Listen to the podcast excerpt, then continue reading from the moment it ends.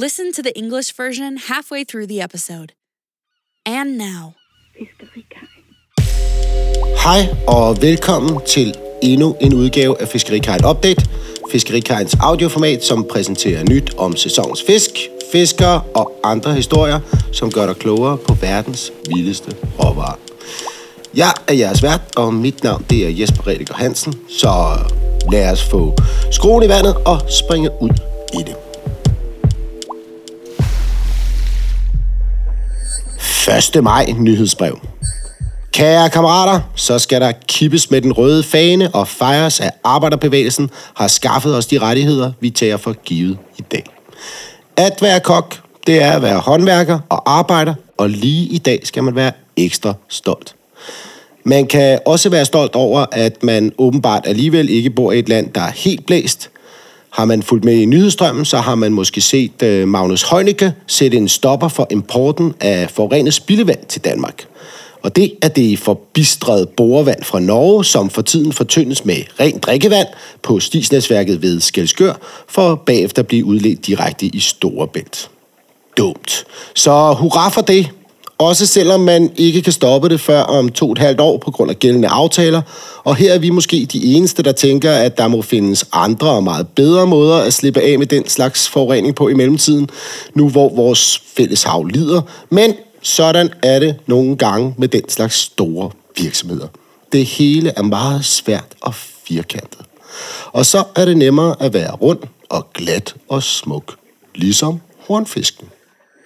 Bellone, bellone, som den hedder på latin. Nøj, hvor har vi glædet os til, at de flotte sølvblanke horn igen skulle komme tilbage til vores del af havet. Og så var de i Dalme med også tidligt på den i år. Allerede den 15. april kom de første fisk i Gunners Bundgarn ved Storebæltsbroen. Kystfiskerkompaniet og Fiskerikajen blev jo forenet igen i efteråret 2022, og det forholder sig sådan, at Kystfiskerkompaniet er særlig gode til det med hornfisk. Faktisk var den gamle korsørfiskeeksport, som det hed før, Kystfiskerkompaniet stort set kun åbent i foråret, og Jørgen, der ejede korsørfiskeeksport, er noget nær en ekspert i horn. Vi var så heldige, at Jørgen var med hele det første år, vi kørte kystfiskekompaniet, så vi kunne høste af hans store viden. Carsten og David, der kørte Biksen i Korsør, var mere end lidt overvældet af hornfiskene det første år. Og det er da også vildt, at der fra den ene dag til den anden vælter ind med hornfisk i bundgarne, og at det hele tager godt og vel 8 uger, og så er de væk igen. Og det kan blive til rigtig mange kilo i de vanvittige 8 uger. Faktisk over 100.000 kilo. Og det er fis med en chat. For de skal jo også sælges, de horn. Og derfor skæres der i Korsør bunker af hornfiskefiléer i de uger, hvor det hele står på.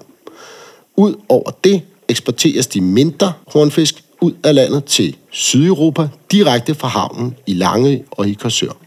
Og så skal der samles til lager, så vi har hornfisk til resten af året. Og i år, der løber vi også stegte syltet hornfisk i vores berømte eddikelag. Så det hele er bare noget med hornfisk i maj. Og så har vi været øh, på fiskemesse i øh, Barcelona. Fordi igen i år, der har vi været på messe for at blive opdateret på, hvad der sker ude i den store fiskeverden. Og meldingen er klar. Der er stadig alt for mange idioter derude, som ikke har en skid respekt fra havet. Billeder af gigantiske trålere, der pløjer bunden op, er noget, man stolt viser frem. Og det meste omkring messen skal være stort, større, størst. Heldigvis er der stadig dygtige mennesker i branchen med hjerne, de tænker med og har hjerte på rette sted. Og dem har vi mødtes med, og især er vi blevet inspireret af alt det nye teknologi omkring minus 60 graders superfreeze, som er en genial måde at konservere et produkt på, uden at det mister smag eller farve. Det er noget, vi kommer til at arbejde med. Vi har som altid også fundet nye leverandører, og vi kommer her i nyhedsbrevet til at gøre reklame, så snart vi har fået de nye varer på hylderne. Og så skal vi videre til Limfjorden. For med det varmere vejr kommer der også gang i hummerne i Limfjorden. Og det med varmen er en afgørende faktor. Hummerne kommer ikke meget ud af deres huler hele vinteren. De er vekselvarme dyr, og deres aktivitet styres 100% af temperaturen. Når temperaturen stiger, stiger aktivitetsniveauet også betydeligt. Hummeren er glad for muslinger, snegle og rejer, og kan også fange en fisk en gang imellem. De to klør har forskellige funktioner. Den ene klo, der oftest er den største klo, er knusekloen, som bruges til at kvase skallerne på hummerens byttedyr. Den anden klo kaldes saksekloen og bruges til at fange fisk og til at spise med. Når hummeren vokser, skifter den skal, og op til et skalskifte begynder hummeren at spise flere søstjerner og søpindsvin. Og det gør den, fordi de indeholder store mængder af kalk, som hummeren skal bruge for at danne sin nye skal. Inden skalskiftet dannes en tynd blød skal under den gamle. Den gamle oplyses langs ryggens midterlinje og bliver svag. Hummeren trækker blodet mod midten, så der opstår et overtryk, der får den svækkede skal på rygsiden til at revne, hvorefter hummeren kan krybe baglæns ud af skallen. Det hele tager 15 til 20 minutter, og tilbage ligger den gamle skal fuldstændig intakt. Og det er vidt stenet. Den nye skal er stadig helt blød, og derfor gemmer hummeren sig i sin hule i 1-2 dage, hvor skallen bliver hård nok til, at hummeren igen kan våge sig ud af sin hule. Men der går næsten to måneder, inden skallen er lige så hård som før skalskiftet. Og i perioden lige efter skalskiftet kaldes hummeren for en smørhummer. Skalskiftet er energikrævende, og især de små hummer mister nogle gange for eksempel en klo i forsøget. Den kan dog danne en klo ved næste skalskifte. Skalskiftet går også ud over hummerens kød, og det er derfor, at en levende hummer til tider kan blive helt porøs, når den bliver kogt. Hummerne er generelt ret glade for deres huler. Dem hænger de ud i det meste af dagen og går så på jagt, når natten falder på. De jager ved hjælp af deres lugtesans og de lamelagtige femmerhår, der sidder foran hummerens mund, er dens lugteorganer. Hummeren kan blive gammel, cirka 30-40 år, men det er ret svært at afgøre præcist på grund af de mange skalskifter. Til gengæld er de også længe om at blive kønsmodne. Det bliver de først i 5-7 års alderen. Men seje er de, og godt smager de også. Limfjorden har klart den største bestand af hummer i Danmark, og det er også herfra, vi får de fleste af vores hummer. Vi får også hummer direkte fra de to Bosenbrødre, der fisker ved Fyns Hoved, og der dukker også hummer op andre steder. Hummerne har der også lettere at spille nu, end de havde før i tiden, og det er fordi, at hummerens fjender er blevet færre. Før i tiden var der masser af torsk kystnært i de danske farvande og i Limfjorden. Det er der ikke mere, så nu kan hummeren dimse omkring, som den har lyst til, uden større fare. Vi anbefaler først hummeren fra slutningen af maj, medmindre der kommer en god varm periode, der får varmet vandet op før. Pikvar. Pikvar er jo kongen.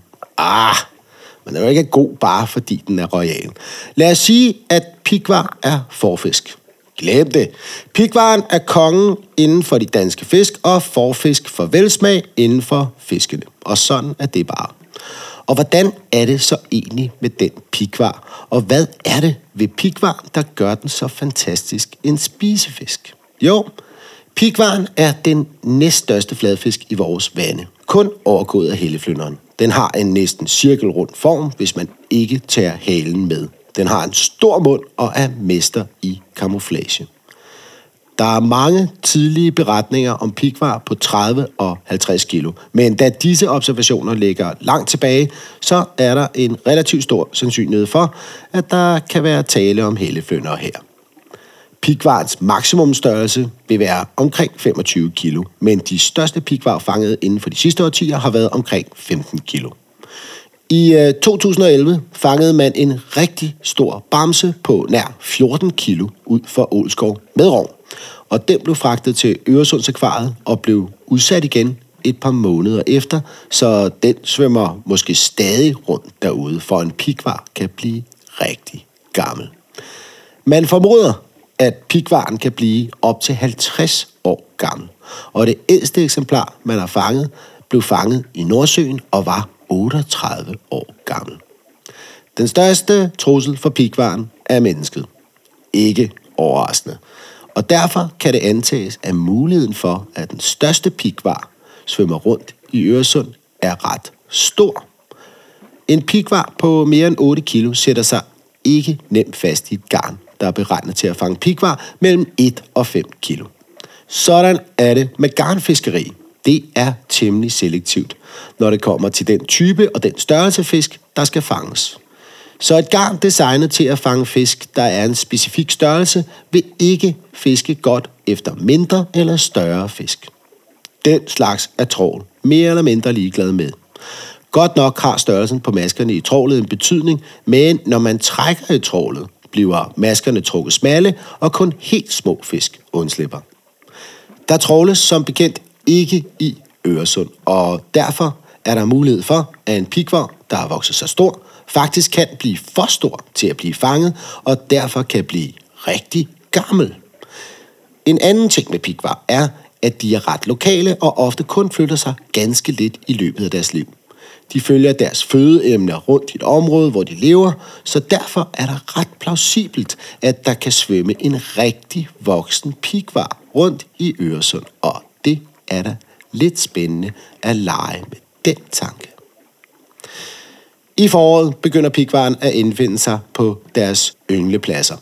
Og det kan være helt inde på det lave vand, helt ned til 20 cm. De spiser dog stadig i den her periode, og pikvaren er en fiskespiser, der overlader langsomme byttedyr som orm og muslinger til de mindre fladfisk. Den spiser alle fisk, der kan passe ind i den store gab, men særligt tobis er dens yndlingsmad. Den skønne tobis, som kaldes sand eel på engelsk, lever nedgravet i sandbunden det meste af dagen, men kommer op ved solopgang og solnedgang. Og der er en ret tydelig sammenhæng mellem tobisbestanden og pigvarbestanden i Nordsøen. I øh, 90'erne bedrev danske fiskere et fuldstændig vanvittigt fiskeri efter Tobis på Dokkerbanke, og det lykkedes dem faktisk at få Tobisbestanden til at kollapse. En helt utrolig tåbelig bedrift. Og efterfølgende faldt pikvarbestanden betydeligt, og omkring år 2000 var den samlede landing af pikvar nede på 5.000 ton. Heldigvis kom tobiserne tilbage igen, dog ikke i samme mængde som før, og op gennem nullerne steg landingerne igen til 10.000 til 12.000 ton. Bestanden virker til at være stabiliseret her omkring, og det skal vi være glade for. Vi får selvfølgelig vores pikvar fra garn, og vi kommer til at få mange fra Lange, Korsør og Sposbjerg. Vi kommer også til at få pikvar i Kajimi. Er det Jimmy? Nej, det er ikke Jimmy. Vi glæder os som små. Og så skal vi videre til månedens tang. Og øh, der tænker jeg lige, at vi skal ringe til Claus fra Dansk Tang, for lige at høre, hvad der sker ude i tangens verden lige nu. Det er Claus. Hej Claus, det er Jesper. Hej du. Hej Claus, hvad, øh, hvad sker der ude i tankens verden i den her måned? Og jeg tænker, der, der sker flere ting, men, men en af de, der jeg sådan lige kommer i tanke om, det er savtangen i øjeblikket.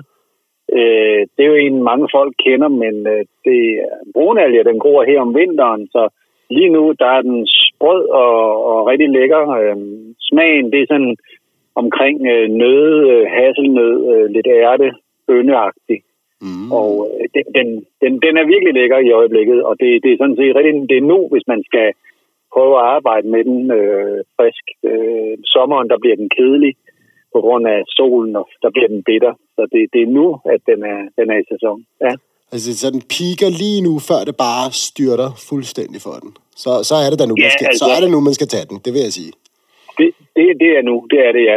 Her vens også vandet er stadigvæk øh, koldt øh, på den måde, at, øh, at vi høster den jo i øjeblikket inde i fjorden.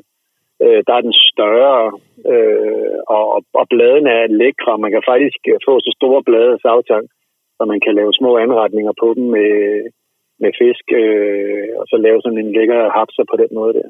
Sådan en lille taco, eller store, det. Ja, det, det kunne man egentlig... Ja, det er fuldkommen rigtigt. Ja, det minder det faktisk om, de store blade, øh, vi høster. Det, det er ligesom naturens taco ude fra, fra havet ja. En tanko? Er det det der? Ja, det er det, der. Det er det, der. Nå, det lyder fedt, Claus. Tusind tak. Øh, og den, den, Jamen, er vi, den er vi klar fra 1. maj, ikke? Den, øh, den kører, ja, og øh, så når vi, når vi kommer længere hen, så går vi i Kattegat med at høste den, og på den måde, så har vi en længere sæson på den. Fantastisk. Så øh, Ja, det og glæder vi os til. Hov, Ja, fiberindholdet, det skal vi lige have med. Det ligger lige omkring 50, så det halve af det er kostfiber. sådan. Det skal vi huske. Det er godt for alting. Også for fordøjelsen. Lige præcis. Godt. Altid, Claus. Tusind tak for det. Vi, øh, vi tages ved. Det er så lidt. Det er måde. Hej. Hej. Og så skal vi snakke lidt om det Østershjul, for det har desværre hakket lidt. Der mangler desværre regn i Sydfrankrig, og vores skønne Tabriage Reserve har desværre ikke udviklet sig så godt, som vi havde håbet. Det er ærgerligt, men det er også lidt af den charme, der er i at arbejde med små leverandører. Så helt ekstraordinært skifter hjulet en måned før, og denne gang går det hen og bliver lidt royalt, selvom fiskerikaren jo er folkets fiskeleverandør. Vi skal et øh, smut til Saint-Cabert, som ligger lige vest for den smukke Mont Saint-Michel. Altså lige på grænsen mellem Normandiet og Bretagne i Frankrigs nordvestlige hjørne. Men bestemt i Bretagne. Fordi Østersen er den berømte Zascaja fra Saint-Cabert. Ved Saint-Cabert dyrkes der østers, og der dyrkes mange. De unikke forhold i bugten med de mange øer og det store tidevand skaber noget nær optimale forhold for østersopdræt, og de allerbedste marker er reserveret til Saskaya. Grunden til, at Østersen bærer det fine navn, er en hyldest til den russiske zarfamilie, der var de første til at importere Britannia-østers ud af Frankrig. Mere godt er der vist ikke at sige om den russiske zarfamilie, der ellers noget godt af kaviar, champagne og at undertrykke et kæmpestort folk så intenst, at det dannede grobund for sovjetisk kommunisme, Lenin, Stalin og senere hen ad vejen Putin. Nå, men man må ikke drille med navne, selvom det er svært. Og det er der også en rigtig god ting, at man begyndte at eksportere de dejlige østers fra St. Cabert, for de fortjener det størst mulige publikum. Når man kommer til St. Cabert, så er det også svært at komme udenom Østers, for her har man regulær Østers turisme, hvor man kan komme på tur rundt i markerne, og derefter komme på Østers Museum og afslutte med en Østers degustation i restauranten. Der er gude smukt, og det er bestemt et besøg værd, hvis man er en tur på de kanter. For blot et par måneder siden fik Saskia den allerfineste udmærkelse, man kan få i Frankrig som fødevareproducent.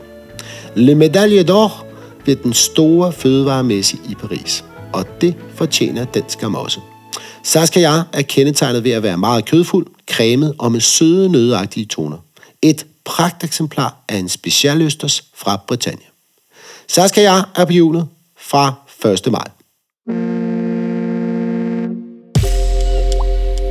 Og det var faktisk det hele her fra Fiskerikaren Update i denne omgang. Vi håber selvfølgelig, at øh, I kunne lide det, og at I kommer ud i det gode vejr og kipper med fanen, når det er, at vi skal fejre alle de rettigheder, som de gamle de sørgede for, at vi fik.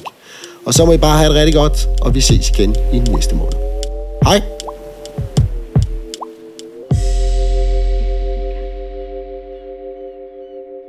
And now, Welcome to the English version of Fiskerikaren Update to this 1st of May newsletter. Dear comrades, wave the red banner for the workers' union that gave us the rights that we take for granted today. To be a chef is to be a worker, and on this day, there is a reason to be proud. There is also other reasons to be proud. You can also be proud that you don't live in a country that is completely indifferent to the sea anyway. If you have been following the news, you may have seen Environmental Minister Magnus Heunicke put an end to the import of contaminated wastewater to Denmark. The water is drilling water from the oil industry in Norway, which is currently diluted with clean drinking water at Stisnesværket in Skelskør, only to be discharged directly into Storebælt. That is definitely good news, even though it will not be stopped for another two and a half years due to existing agreements. And perhaps we are the only ones that think that there must be other and much better ways to get rid of this kind of pollutions in the meantime than to pour it out into our common oceans. That's just how it is with these large corporations. It's all very complex and square. It is much nicer to be round and smooth and beautiful, just like the garfish. Bellona bellona is the Latin name, and we are looking forward to the beautiful silvery horns coming back to our parts of the sea. And they have come early this year. As early as the 15th of April, the first fish came into Gunners pound nets by the Storebælt Bridge. Kystfiskerkompaniet and Fiskerikajen were united again in the autumn of 2022, and Kystfiskerkompaniet is particularly good at garfish. In fact, the old Korsør Fiskeeksport, as it was called before Kystfiskerkompaniet took over, the buildings was mostly open in the spring. And Jørgen, who owned Korsør Fiskeeksport, is an expert in horns. We were lucky enough to have Jan with us the entire first year we ran Kystfiskerkompaniet, so we could benefit from his great knowledge. Carsten and David, who ran the business in Korsør, were more than a little overwhelmed by the garfish the first year. And it is also crazy that from one day to the next, garfish will pour into the pound nets, and that it all takes a good eight weeks, and then they're gone again. And it can turn into many, many kilos in the eight crazy weeks. Actually, over 100,000 kilos. And that is quite a bit. Because they also have to get sold, those horns. And that is why piles of garfish fillets are cut in Korsør in the weeks when everything is on. The smaller garfish are exported out of the country to southern Europe directly from the harbor in Langø and in Korsør. Then we also have to gather for stock so we can have garfish for the rest of the year also. And this year we're also making fried pickled garfish in vinegar brine. It's all about the garfish in May. Fish Fair in Barcelona. Again this year, we have been to the fair to get updated on what is happening out in the big fishing world. And the message is clear. There are still far too many idiots out there who have no respect for the sea. Images of giant trawlers plowing up the bottom are something you proudly show off. But fortunately, there are still talented people in the industry with brains that have their hearts in the right place. We met up with them and got inspired. We were most inspired by all the new technology around the minus 60 degrees super freeze technique, which is a brilliant way to preserve a product without losing flavor or color. We will work more on that. As always, we also found new suppliers and we will advertise here in the newsletter as soon as we get the new goods in stock. Lobsters from the Limfjord. With the warmer weather, the lobsters in the Limfjord will pick up steam. The warmth being the decisive factor. The lobsters don't come out of their cave much throughout the winter. They are cold blooded animals and their activity is controlled 100% by temperature. As the temperature increases, the activity level also increases significantly. The lobster is fond of clams, snails, and shrimps, and also catch a fish once in a while. The two claws have different functions. The one claw that is most often the largest claw is the crushing claw, which is used to crack the shell of the lobster's prey. The other claw is called the scissor claw and is used to catch fish and for eating. When the lobster grows, it changes its shell, and when it is about to change, the lobster begins eating more starfish and sea urchins. It does this because they contain large amounts of lime, which the lobster needs to form its new shell. Before the shell changes, a thin, soft shell forms under the old one. The old one must be dissolved along the midline of the back and become weak. The lobster draws the blood towards the center so that an overpressure occurs, which causes the weakened shell on the back to crack, after which the lobster can crawl backwards out of the shell. It takes 15 to 20 minutes. What remains is the old shell completely intact. Amazing. The new shell is still completely soft and therefore it hides in its cave for one to two days where the shell becomes hard enough for the lobster to venture out of its cave again. But it takes almost two months before the shell is as hard as before the shell change. In the period immediately after the shell change, the lobster is called butter lobster. Changing the shell requires a lot of energy, and the smaller lobsters sometimes lose a claw in the shell change. That will grow back before the next shell change, and the change of the shell also extends to the lobster's meat, which is why a live lobster sometimes become a bit porous when it has been cooked. The lobsters are generally quite happy with their caves. They hang out in them most of the day and go out hunting when night falls. They hunt using their sense of smell, and the lamellar hairs that sit in front of the lobster's mouth are its olfactory organs. And that's the first time I've ever said olfactory organs in my life. Moving on. The lobster gets to be 30 to 40 years old, but it is quite difficult to determine precisely because of the many shell changes. They also take a long time to become sexually mature and become so at the age of five to seven years. But they are super cool animals that never back down from a fight using their sharp claws to fight off the largest of predators. And they taste good too. The Limfjord has the largest population of lobsters in Denmark, and this is also where we get the most of our lobsters from. We also get lobsters from the two Bosen brothers who fish from Fyns Hoved, and the lobsters are also appearing in other places.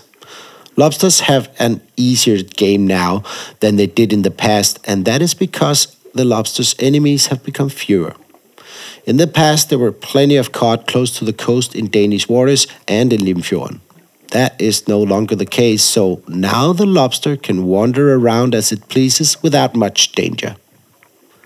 We recommend lobster from end of May unless there is a good warm period that heats up the water before. Turbot. Turbot is the king. Ah, it's not good just because it's royal.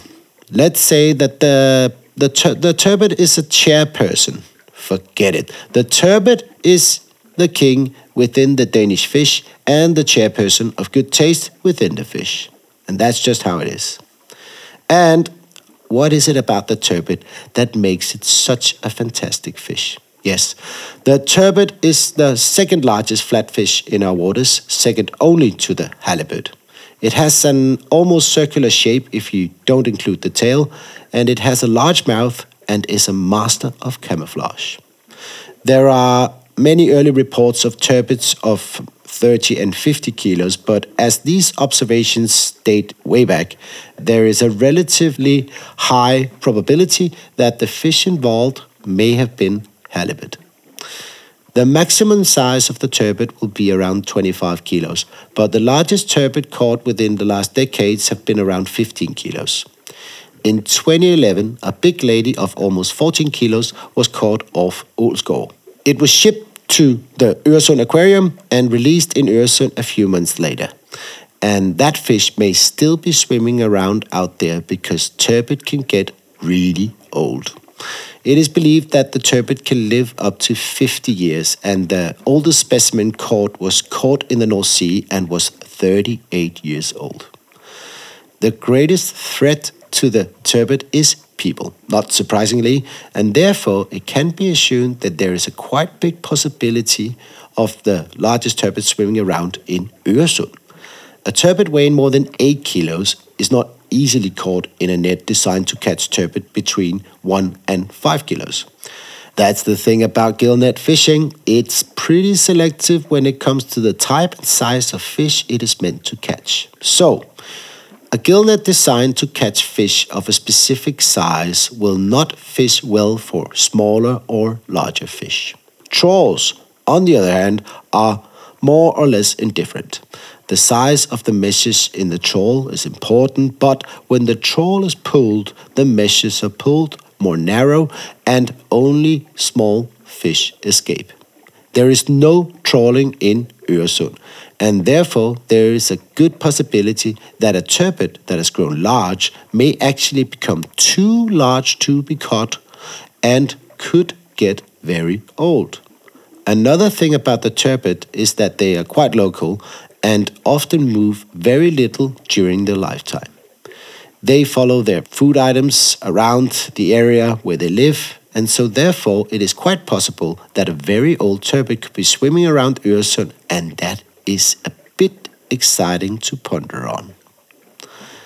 In the spring, the turbot begin to arrive in their breeding grounds in the shallow waters, and that can be all the way down to 20 centimeters of water. They are still eating during this period, and the turbot is a fish eater, leaving slow prey such as worms and clams to the smaller flatfish. It eats any fish that can fit into its large gape, but sand eel, in particular, are one of its favorites. The beautiful sand eel lives buried in the sandy bottom for most of the day, but comes up to eat at sunrise and sunset. There is a fairly clear correlation with the sand eel population and the turbot population in the North Sea. In the 90s, Danish fishermen conducted a completely insane fishery for sand eel on Dogger Bank, and they actually succeeded in causing the sand eel population to collapse. An incredibly stupid feat. Subsequently, the turbot population declined significantly, and around the year 2000, the total landing of turbot was down to 5,000 tons. Fortunately, the sand eel came back, if not in the same quantities as before, and up through the 2000s, the landings increased to 10,000 to 12,000 tons. The stock seems to have stabilized around here, and we should be happy about that. We get all our turbot from gillnets, and we will get many from Langø, Korsør, and Spodsbjerg, and we're also going to get turbot Ikejime. We look forward to it like a kid for Christmas Eve. The oyster wheel. And then we have to talk a little about the oyster wheel, because unfortunately there is a lack of rain in the south of France, and our beautiful Tabriège Reserve has not developed as well as we had hoped. And that is a shame, but also a part of the charm of working with small suppliers. So, quite extraordinarily, the wheel changes a month sooner, and this time it becomes a bit royal, even though Fiskerikajen is the supplier of the people. We're going to take a trip to Saint-Quebert, which is just west of the beautiful Mont Saint-Michel. That is right on the border between Normandy and Brittany in the northwestern corner of France, but definitely in Brittany. The oyster is the famous Saskaya from Saint-Quebert. Oysters are grown at Saint-Quebert and many are cultivated. The unique conditions in the bay and the many islands and the high tide create almost optimal conditions for oyster farming and the very best patches are reserved for the Saskaya. The reason why the oyster bears the fine name is a tribute to the Russian Tsar family who were the first to export Brittany oysters out of France. And that is probably the only nice thing there is to say about the Russian Tsar family, who enjoyed caviar, champagne, and oppressing a huge population so intensely that it paved the way for Soviet communism, Lenin, Stalin, and later down the line, Putin. So it's not okay to tease with names, although it is difficult. And it's also a good thing that they started exporting the lovely oysters from Saint-Quebert because they deserve the largest audience possible. When you are in Saint-Quebert, it is hard to avoid oysters. Here is real oyster tourism, where you can go on a tour around the fields and visit the Oyster Museum and finish with an oyster tasting at the restaurant. It is a beautiful place and it's definitely worth a visit if you are in those parts. Just a few months ago, Saskia received the very finest distinction that can be obtained in France as a food producer Le Médaille d'Or at the Food Fair in Paris, and it deserves it. Saskia is characterized by being very fleshy, creamy, and with sweet nutty tones. A splendid example of a special oyster from Brittany. Saskia is on the wheel from May 1st.